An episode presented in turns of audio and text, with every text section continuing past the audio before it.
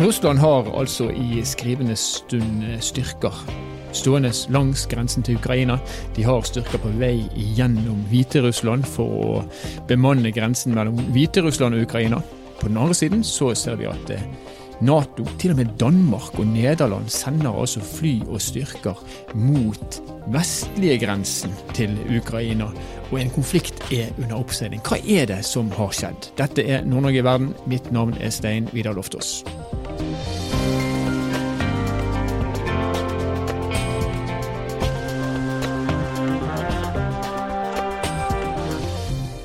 Amund Trellevik er journalist i Nordlys, og han er leder av journalistnettverket Barents Press, som i 25 år har samarbeidet med russiske journalister. Han har i tillegg studert i Russland, og han har bodd sju år på den norsk-russiske grensen i Kirkenes. Og han er ja, vi kan omtale han som en russlandsekspert. Og nå er han her med oss i Nord-Norge i verden. Velkommen til oss, Amund. Takk for det. Nå er spenningen, jeg vil nesten si, han begynner å nærme seg bristepunktet mellom Vesten og Russland. Hva er grunnen til det? Det er et veldig stort spørsmål som det ikke er ett svar på. Men eh, jeg har lyst til å si at det er en totalpakke som gjør at vi er der vi er i dag. I bunn og grunn så handler det om at Russland ønsker også å bli tatt på alvor av eh, den vestlige verden hva gjelder sikkerhetsspørsmål. Eh, det er den militære årsaken til at eh, man er her i dag. Russland har i mange år følt på Man trenger ikke ha forståelse for det, men man må, forstå det. At man ikke blir inkludert i spørsmål hva gjelder geopolitikk og sikkerhet. Type Irak, Libya, Afghanistan. Store kriger som Vesten har vært involvert i. Så er det jo dette konkrete eh, landet Ukraina som nå er det brennbare i Europa. Og Det handler jo både om, om historie, historisk tilknytning mellom Ukraina og Russland. Det handler òg om eh, interessesfære, det man kaller for det nære utland. Alle stormakter har det. Alle stormakter har områder som de mener er viktigere for eh, for seg enn andre. Um, og så handler det om den, den tette kontakten som har vært mellom Russland og Ukraina gjennom mange år. Men Du sier at Russland ikke blir tatt på alvor i kan du si, global sikkerhetspolitikk. Men de er jo et fast medlem av Sikkerhetsrådet. De har vetorett. Og sånn Historisk sett, i hvert fall med mindre man er utsatt for mye propaganda, så får man inntrykk av at de velger alltid motsatt side av USA i sikkerhetsspørsmål. Hvorfor mener du at ikke de blir tatt på alvor? Ja, altså, Jeg mener ikke at de ikke blir tatt på alvor, men det, det, er, den, det er, den, russiske oppfatningen. Mm. Hvis man spoler tilbake 20 år i tid, 2001, eh, terrorangrepet i USA. Eh, en av de første som ringte til Bush, var Putin. Mm. Og han sa 'jeg står med deg i kampen mot terrorisme'. To år etter så velger USA nesten alene å gå inn i Irak. En krig Russland eh, advarte mot. Mm. I lag med Frankrike og Tyskland. Mm. Eh, allerede der så var eh, sikkerhetspolitiske eh, motsetninger altså prioriteringer mellom Russland og USA. Videre utover 2000-tallet så har Russland eh, gang på gang følt at de er blitt tilsidesatt og ydmyka når det er snakk om Nato-spørsmål og andre viktige spørsmål som gjelder verdensfreden. Eh, det kulminerte i 2008 på den såkalte sikkerhetskonferansen i München i Tyskland. Der holdt Putin en tale. Det var på en måte starten, si, starten på det dårlige forholdet mellom Russland og Vesten. Mm. Og Der sa Putin rett ut at vi vil bli inkludert når vestmaktene diskuterer sikkerhetspolitikk. Det som skjedde etterpå i konferansen, du fikk en krig i Georgia mellom ett land, Georgia som var tatt opp som assosieringspartner til Nato. Mm. Eh, og Den gangen i, i, Nato og i vestlige land så var det en veldig sånn klar oppfatning om at ja, selvfølgelig skal Georgia og Ukraina på sikt kunne bli medlem av Nato. Mm. Altså den vestlige forsvars- og militæralliansen. Og det er klart at det her, Hvis man ser på russisk historie, så, det, så sitter det langt inne å se på at disse landene her går inn i mm. Nato. Og det, og det, er jo et krav, virker det som et unisont krav fra Russland, at ikke man skal utvide Nato ytterligere østover. Eh, og man kan jo på sett og vis forstå at, eh, at, i et gammelt fiendebilde så er Russland redd for Nato. Men hva er det som gjør at Russland mener de kan stille et sånt ekstremt sterkt krav til et annet land. Altså Du skal ikke få lov til å bestemme sjøl hvem du vil, vil, samhandle med. Med hvilken, med hvilken, myndighet eller rett er det, er det, Russland mener at dette her er et, et fornuftig krav å stille? Ja, altså Det er jo et uh, også en veldig stort spørsmål som har, som har mange svar. Uh, men um, uh, jeg tror at det Putin vil, og det Putin har klart, er å få Vesten, og spesielt USA, til forhandlingsbordet. Mm. Eh, så på mange måter kan du si at Putin allerede har oppnådd det som kanskje var et av hans delmål. Få til samtaler. Dette her handler om mer enn kun Ukraina. Det handler òg om internasjonale forhold. Det handler om eh, balansen mellom supermaktene i verden. Mm. Eh, for 30 år siden var det jo to supermakter. I dag er det to slash tre. Du har fått Kina òg, som er en del av eh, det globale bildet her. Putin ønsker å bli tatt på alvor, og han ønsker å bli tatt på alvor på, på, også på russiske premisser. Han er lei av å bli eh, orientert om hva som allerede er bestemt. Han vil være med rundt dette bordet. Ja, Du nevnte Sikkerhetsrådet. Altså, Sikkerhetsrådet er jo på en måte sånn, det fungerer ikke optimalt i og med at du har vetomaktene. Mm. Og som regel så stemmer jo Kina og Russland imot det som kommer fra USA, og så omvendt. da. Så det er veldig fastlåst situasjon. Det er jo innmari mange land langs den russiske grensen som har blitt Nato-medlem. Hele Øst-Europa, inkludert eh, de baltiske statene. Eh, Finland er jo det hele det unntaket som egentlig aldri var en østblokkmakt uansett. Men nå, liksom, nå er det nok. Nå, nå, nok, nå, skal ikke flere være med. Hvorfor? Ja, altså du kan si at uh, ja, uh, nå er nok for, uh, for Putin. hvorfor dette skjer akkurat nå, når konflikten i Ukraina egentlig har vart siden 2013-2014, mm. det er vanskelig å si. Men hvis man ser også på, tilbake på historien, det er litt gøy å se på historien når man, når man skal forklare samtiden, det er at Ukraina er et veldig spesielt land for Russland og i russisk historie. Halvparten av de som bor i Ukraina, eh, definerer seg som etniske russere. Mm. Det er russisk språk. Er, det er ikke likestilt lenger med ukrainsk, men det er, det er, i hvert fall veldig mange millioner som snakker russisk i Ukraina. Historiske bånd er kjempetydelige. Det jeg liksom litt opptatt av når jeg snakker om Russland, det er at eh, man må forstå det russiske perspektivet uten å ha forståelse for det. Og eh, altfor ofte så opplever jeg eh, blant vestlige eksperter og media at man, at man ikke helt tar inn over seg at også et land som Russland også har sikkerhetsperspektiv eh, som går utover deres egne grenser. Eh, det er veldig farlig å si, da, for det blir veldig fort nedsabla som en slags sånn ja, man taler Russlands sak, mm. men det er ikke det som er poenget her. Um, uh, og tilbake til du stilte om det, ditt spørsmål i stad. Jeg tror Putin allerede har oppnådd et delmål her. Det å få Nato og USA til forhandlingsbordet. Det interessante her er at uh, Putin vil ikke forhandle med EU. Men det er jo EU eh, e som kanskje har sterkest interesse i Ukraina sånn som det er i dag. Veldig, EU har akkurat bevilga nye kriselån til ukrainsk regjeringen, bare for å holde det her samfunnet gående. Men eh, det er Nato og USA som, som styrer spillet her. Altså. EU det blir en sånn stedfortrederrolle. Men hvis vi ser på det som er i ferd med å skje nå det, eh, Hvis vi går ut ifra at eh, Putin egentlig ikke ønsker noe konfrontasjon, fysisk konfrontasjon, det må man jo enn så lenge må man jo, må jo tro det. Men han har mobilisert styrkene sine til grensen langs altså den russiske grensen, og også nå gjennom Hviterussland, så vidt jeg forstår. Og Så ser vi at EU da, Eh, på sin side nå flytter deler av sin styrke nærmere den ukrainske grensen. Er det slik at altså Selv om egentlig ingen har lyst på en konfrontasjon, så må man jo tenke at det her er jo på en måte en, en lunte som kan antennes, og en situasjon som kan komme ut av kontroll. Er vi nå i en situasjon der det faktisk kan bli en fysisk konfrontasjon mellom Vesten og Russland? Ja, altså det, ingenting kan utelukkes. Og det er det som gjør situasjonen eh, veldig spent. Um, disse soldatene som er oppmarsjert uh, både i Hviterussland og landsgrensa til Ukraina, er òg en form for diplomati. Men det er jo et diplomati som kan slå hardere til um, dersom, uh, dersom uh, ting bryter sammen her. Jeg har lyst til å si at to ting. Det er ingen grunn til å tro at det kommer til å bli en krig, men det er heller ikke grunn til å avvise det. og så må man stille spørsmålet hva er en krig i dag? Er eh, en krig der de velter inn 50 000 soldater over ei fysisk landegrense med, med tanks og raketter? Eller kan krigen utføres på andre mm. felt? Mm. Det at strømmen går i Kiev, er jo òg en form for krig, f.eks. Så det finnes eh, hybride måter også å, å lamme et land og et samfunn på, som kanskje er like aktuell eh, i en moderne krig som det å gå inn med, med soldater. Mm.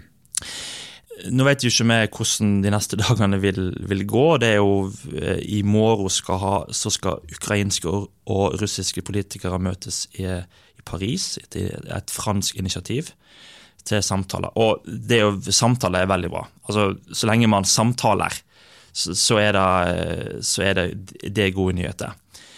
Eh, men igjen, hvis vi ser på historien, da, eh, tilbake til kald krig. Man må huske på at det var ganske alvorlige situasjoner også i kald krig som ikke førte til en tredje verdenskrig. Så Det må man òg ha i mente her, eh, når man ser på det som skjer eh, i Ukraina i dag. Men er det noen som er tjent med en, en, en fysisk konfrontasjon, enten det er noe i, i, i, form av å ta ut infrastruktur eller en, en, konvensjonell krig som man på en måte er vant til å tenke på krig som? Er det noen som på noen som helst måte vil være tjent med det? Nei. Nei, Nei altså. Eh, og spesielt ikke Russland. Det som kommer til å skje hvis det blir en krig eller en i Ukraina, eller en opptrapping av konflikten, er jo store vestlige sanksjoner. Mm mot det russiske samfunnet og den russiske økonomien. Det var jo blant annet diskutert om man skulle utestenge Russland fra det internasjonale banksamarbeidet. som sikkert dere er kjent med eh, Swift. Eh, og det ville, jo, det ville jo føre til en katastrofe i russisk økonomi og vil jo lamme eh, millioner av vanlige russere som ja, trenger et banksystem som, som fungerer. Så, um, så, det er vanskelig for meg å sitte her og se på eh, selvfølgelig krig. Ingen, ingen vinner selvfølgelig på en krig uansett, men å se på hvordan uh, det her skal gagne noen, er helt umulig for meg å se. Og Det vil også føre til en ytterligere isolering av Russland og det russiske lederskapet. Og hvis det er noe vi har lært siden Krim-annekteringen i 2014, så er det jo at isolasjon, sanksjonering, hjelper jo ikke. Russland finner seg nye venner i, i Kina og i andre autoritære stater eh, når man er utestengt fra det gode fellesskapet i vest. Og Det bringer meg inn på det neste som jeg mener det er relevant og spørsmålet som er relevant å løfte nå. fordi at du, du, sier at ingen kjenner på en krig, og vi må kunne forutsette at Russlands slagkraft, om enn eh, fryktelig stor, så er den mindre enn en Vesten, med, med, USA og Nato i, i, spissen. Så leser vi i media i dag, og i dag er 25. januar, at Russland har kjørt felles militære øvelser med Kina. Vi vet at de tidligere har gjort det samme med Iran. Kan denne konflikten, eller der vi står i dag, kan det føre til at vi får en ny eh, kan vi si, stormakt når det gjelder eh, altså, militær tenking, bestående av de nevnte? For, for, for det her er jo makter som, som, som, har USA som sin hovedfiende. Det er vel ikke, det er ikke noe hemmelig for noen. Mm, ja, både ideologisk og økonomisk. Ja. Absolutt. Ja, Du vil jo få en, en, en front da, som, som er måte, eh, som står imot den, hvis du kan si, den vestlige fronten, da, den vestlige interessesfæren. Og Det som er interessant, her er jo at eh, det her er jo en, eh, en front som ikke bare handler om si, geopolitikk og økonomi, men det handler òg om eh, både kultur og eh, en del moralske spørsmål. Eh, man må huske på at eh, det som er Putins, et av Putins ankepunkt mot, mot, Vesten, er jo at eh, Vesten har tidligere sagt at de ønsker Russland med på laget, men da må noe bli som oss. Ja, ikke sant. Og Det er jo ikke aktuelt for Putin og Russland. Altså, Russland er et konservativt samfunn. De har et helt annet syn på likestilling, på minoriteters rettigheter, seksuelle minoriteters rettigheter. og de tingene her Eh, den russisk-ortodokse eh, kirka og veldig konservative form har, har, stor makt i dagens Russland. Mens i, kanskje i det vestlige landet, som vi definerer som en del av, har jo eh, har mye mindre både formell og uformell makt i samfunnet. Så de tingene her er òg interessant. Du ser, Da søker man sammen med andre autoritære stater som deler det, det, eh, det samme verdigrunnlaget som Russland. Og um, Nå er det ingenting som tyder på at sanksjonene som er innført etter, etter Krim, vil bli letta. Jeg tror de kommer til å bli forsterka. Mm. Uh, heller. Og Da er jo spørsmålet sant, uh, skal, man, skal man tvinge Russland med i det gode selskapet igjen gjennom sanksjoner, eller skal man invitere til dialog? Nå har de begynt med dialog igjen. da. Mm. Så det er jo et godt tegn. Dialog det ønsker vi. Og så vet vi at helt uavhengig av om vi kommer til en noe som kan kalles for en krig, da, så, så, påvirker den situasjonen vi nå ser, også oss i Norge. På den ene siden så er vi Nato-medlem og må på en måte ta, ta det ansvaret på alvor. På den andre siden så er jo vi òg en av grensestatene til Russland. og vi har kanskje mer enn noen annen vestlig stat et egentlig på mange måter et godt forhold til Russland. Spesielt hvis man ser på det som skjer i Finnmark, altså det som er nærmest eh, grensen. Hvordan kan det her komme til å endre vårt forhold til Russland? Ja, altså Det er jo et veldig, er et veldig viktig spørsmål. Og det er et spørsmål som, opptatt, eh, som, som alle i, som bor i Nord-Norge bør være opptatt av. Vi har 19,6 mil fellesgrenser med Russland i Finnmark. Eh, jeg bodde sjøl i Kirkenes i, i, 2014, da Russland annekterte Krim. Det var som å slå av en bryter hva gjelder et godt naboskap. Mm. Året før i Kirkenes i 2013 så var det statsbesøk i byen. Det var Jens Stoltenberg var der, eh, den russiske statsminister Dmitrij Medvedev var på besøk. Man snakker om mer samarbeid, tettere vennskap, mer åpne grenser. Det var ikke altså, altså himmel var ikke en begrensning for hva man kunne få til av norsk-russisk samarbeid i nord. Eh, og så går det få måneder, så snur alt. Eh, og vi som bodde der, opplevde jo at eh, plutselig så var russerne vekke fra butikkene i Kirkenes. Plutselig var det mindre møte mellom lokalpolitikere. Plutselig var det mindre konferanser som omhandler grenseforhold. Det var en veldig sånn sterk nedkjøling av forholdet veldig fort. Og Det er viktig å ha i mente, for eh, i årene fra 1990 og fram til 2014 så var det en eh, årlig økning i all form for kontakt økonomisk samarbeid mellom Norge og Russland i nord. Og det forsvant veldig fort. Mm. Eh, og Det betyr tenker jeg, at ting som skjer i Washington og Brussel og, og, i Kreml, har direkte påvirkning på folk sine liv mm. i Nord-Norge. Og Hvis du skal trekke dette litt lenger frem, da, hvis eh, konflikten eskalerer, hva, hvordan kommer det til å bli for, eh, for, oss som har en felles grense med Russland? Nei, altså Ja. Kvalifisert gjetning er jo en, en, eh, god øvelse for journalister. Men, men det er jo ingen altså, det er ingen grunn til å tro at det vil få direkte militære konsekvenser i nord. Nei. Men konflikten som eh, har starta Ukraina med skyttergravene der, har jo allerede fått en såkalt overspill til Østersjøen. Mm.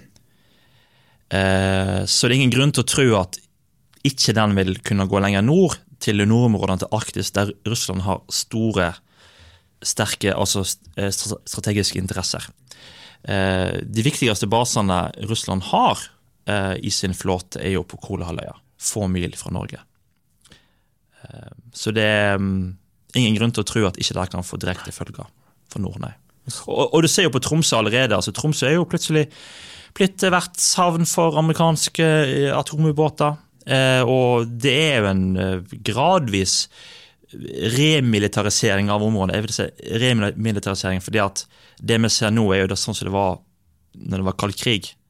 Eh, man er tilbake til eh, der, der stormaktene også eh, er mer interessert i nord enn hva som var på 2000-tallet. Ja.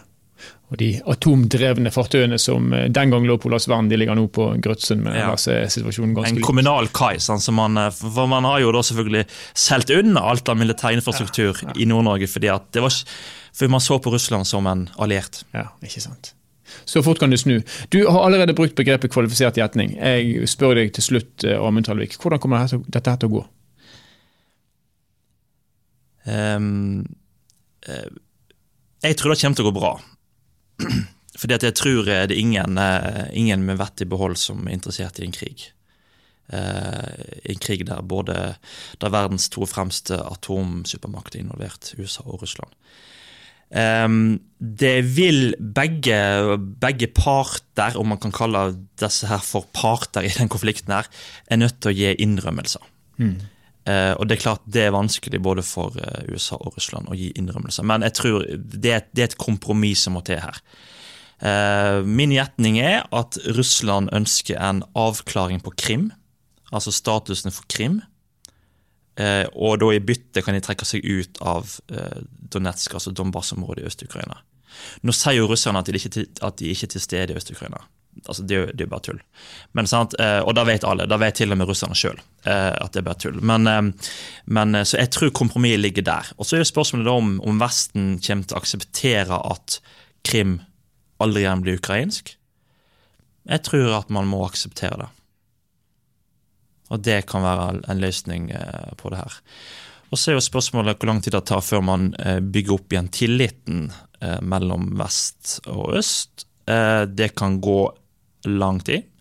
Jeg tror det vil gå kortere tid inn i Norge, men det vil ta lang tid her òg.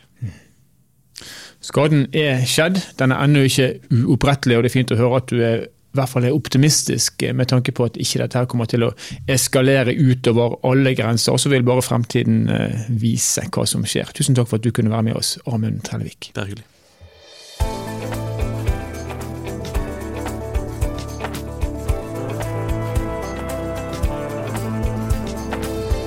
Barentssekretariatet eh, de har tett kontakt både med norsk og russisk næringsliv. Deres primæroppgave er å støtte norsk-russiske samarbeidsprosjekter i både norsk og russisk del av Barentsregionen. Og Nå har vi med oss Jenny Spring, som er næringsrådgiver i nettopp Barentssekretariatet. Og velkommen til oss, Jenny. Tusen takk. Du, Nå er det en konflikt under oppseiling, det har vi selvfølgelig alle fått med oss. Og, og den ser ut til å eskalere, og det er ille. Du som sitter i Kirkenes og som eh, monitorerer næringslivet på begge sider av grensen, hvordan påvirker dette her eh, samarbeidet mellom Russland og, og, Norge? Det er klart det påvirker definitivt næringssamarbeidet mellom Russland og Norge.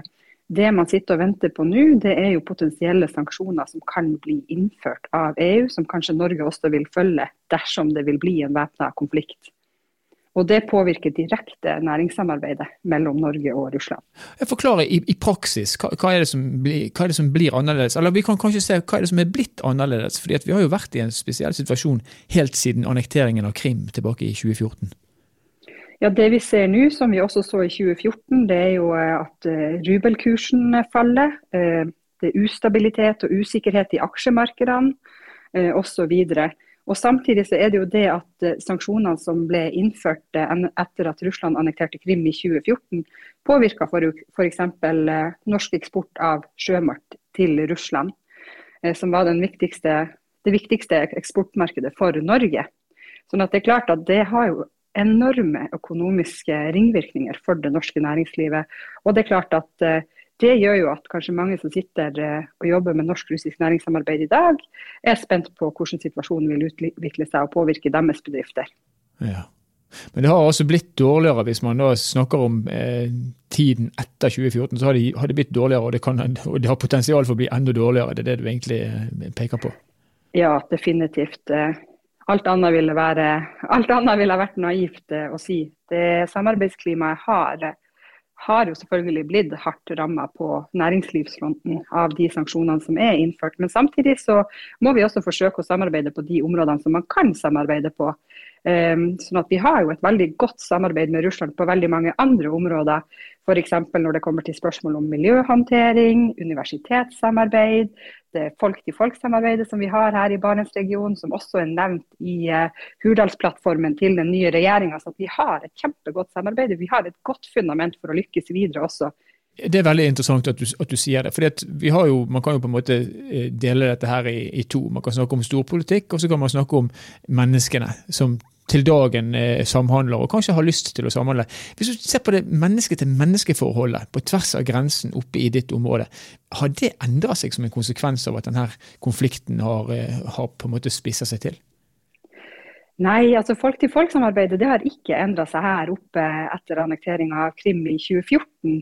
Eh, vi har hatt samarbeidsprosjekter som normalt, både på idrett, på kultur og på ja, veldig mange forskjellige områder. Så vi har barn som spiller fotball i lag, som møtes på svømmestevner osv.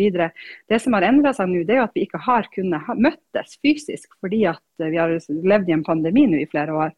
Og det kjenner vi veldig på her oppe. At eh, vi som bor såpass nært fra den russiske grensa, vår nærmeste by på russisk side er bare 40 km unna, vi kan ikke lenger besøke våre russiske venner. og Det er jo fordi at vi står i en pandemi. Og Det er jo det som er den store utfordringa nå, at vi har ikke sett hverandre på flere år fordi at vi ikke kan reise på tvers av grensa. Ja, Så pandemien den gjør det egentlig verre å, holde sånn normalisert eh, forhold? pandemien gjør det definitivt verre for oss her lokalt. Ja. Å møtes og treffes og samarbeide på tvers av landegrensene. For det har vi ikke kunnet gjort. Nå har vi måttet samarbeide digitalt, da. Eh, og det er jo ikke det samme. Det er ikke det samme. Du kan spille en eh, du kan spille fotball digitalt, men det er ikke det samme som å møtes eh, ansikt til ansikt.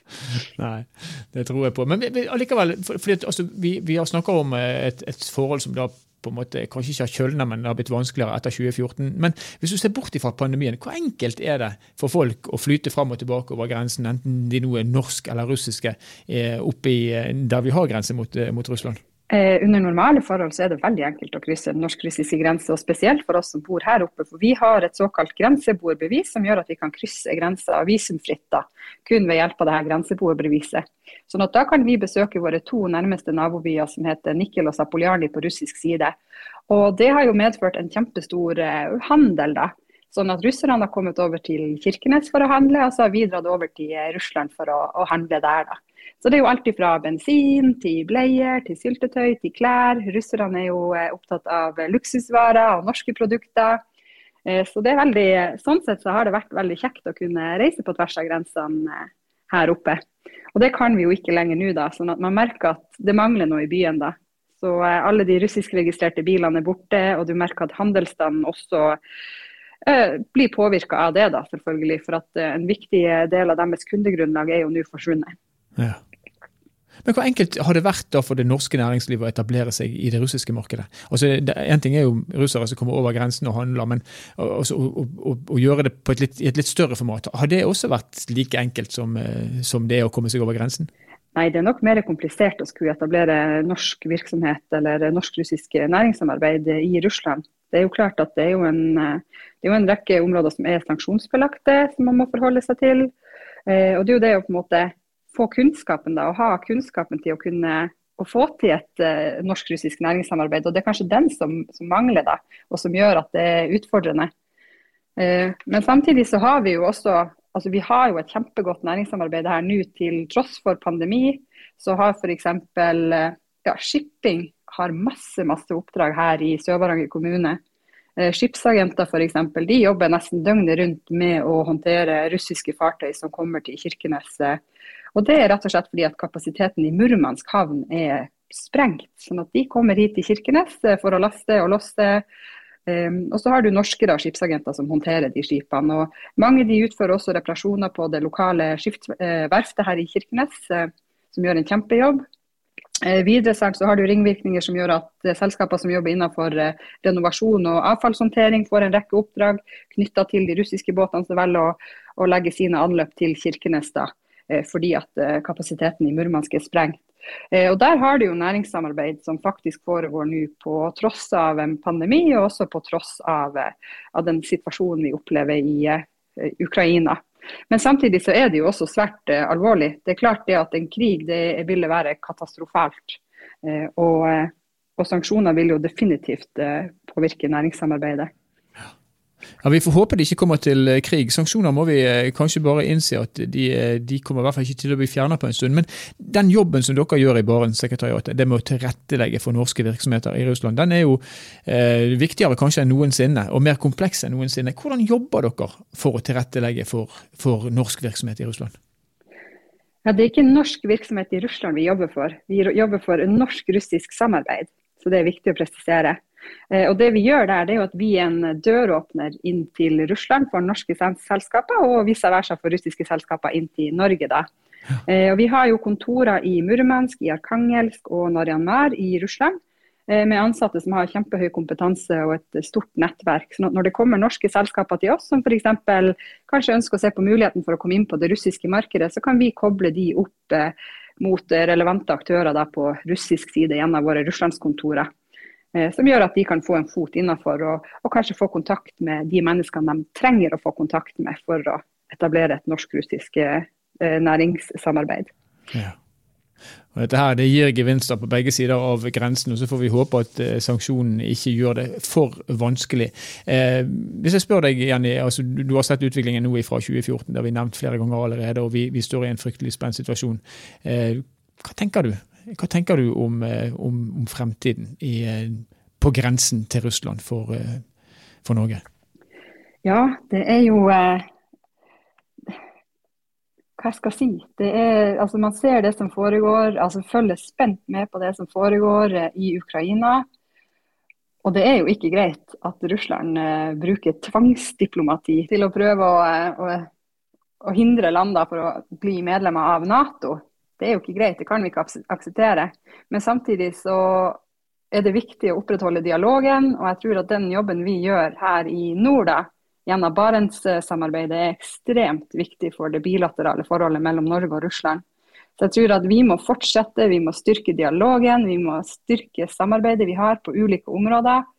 Eh, og gjøre det vi kan for å opprettholde en god og positiv dialog som sørger for at vi har utvikling i riktig retning. da. Eh, for å opphøre dialogen, så ja, da kommer vi i hvert fall ingen vei. Så jeg tror det er kjempeviktig å samarbeide på de områdene som vi kan samarbeide på med Russland de områdene som ikke er konfliktfylte. Eh, og Samtidig så må jo selvfølgelig vi også gjøre det vi kan for å unngå at det skal bli en væpna konflikt og krig i Ukraina nå. Vi får håpe at uh, diplomatiet seirer og at fornuften uh, blir styrende. og Enn så lenge så gjør Barentssekretariatet en viktig jobb, kanskje viktigere enn noensinne akkurat i disse dager. Tusen takk for at du kunne være med oss, Jenny Spring fra Barentssekretariatet. Selv takk.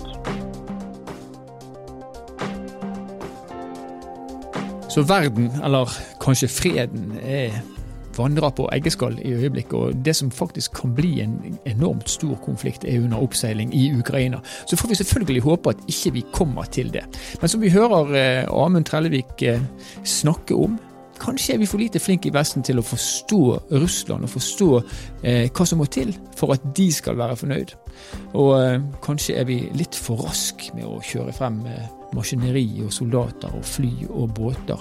For det er jo en viss fare for at når man har eskalert en konflikt, så skal det lite til for at han antenner, og så får man et resultat som man kanskje ikke ønsker noen på forhold. Så hører vi fra Jenny Spring i Kirkenes at uh, folk er folk på begge sider av grensen, og de vil egentlig bare leve i fred og de vil handle med hverandre. Men disse politiske konfliktene som seiler opp, de gir sanksjoner, og det gjør det vanskeligere også å, å håndtere samarbeid på alle nivåer. Så dette er en situasjon som er ja, det er vel ingen som ønsker at det eskalerer, og vi får gjøre hva vi kan, alle mann, for å ta ned denne spenningen. Og kanskje er det da viktig at vi sprer kunnskap om hva som skjer, og om hva vi trenger å ta hensyn til. Det har vi forsøkt i denne episoden av eh, Nord-Norge i verden. Og Nord-Norge i verden er en podkastserie som er produsert av Sparebank1 Nord-Norge i samarbeid med Helt Digital. Musikken du har hørt er laga av Emil Karlsen. Vi høres igjen i neste episode.